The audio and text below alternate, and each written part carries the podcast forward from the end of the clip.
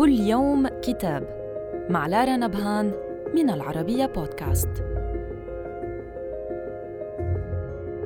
كتابنا اليوم تأملات في الدبلوماسية، حالات مقارنة في الممارسة الدبلوماسية والسياسة الخارجية للبروفيسور الصيني ستيفن تشان وترجمة شيرين جابر وشريهان سعد.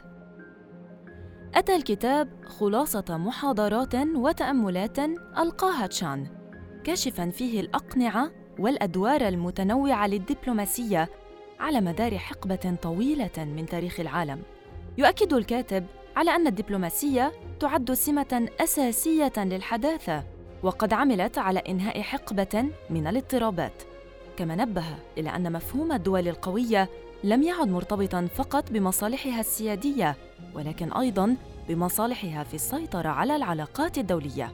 وقد أصبح مفهوم الدول القوية الأساس لنظام جديد أسس بعد الحرب العالمية الأولى.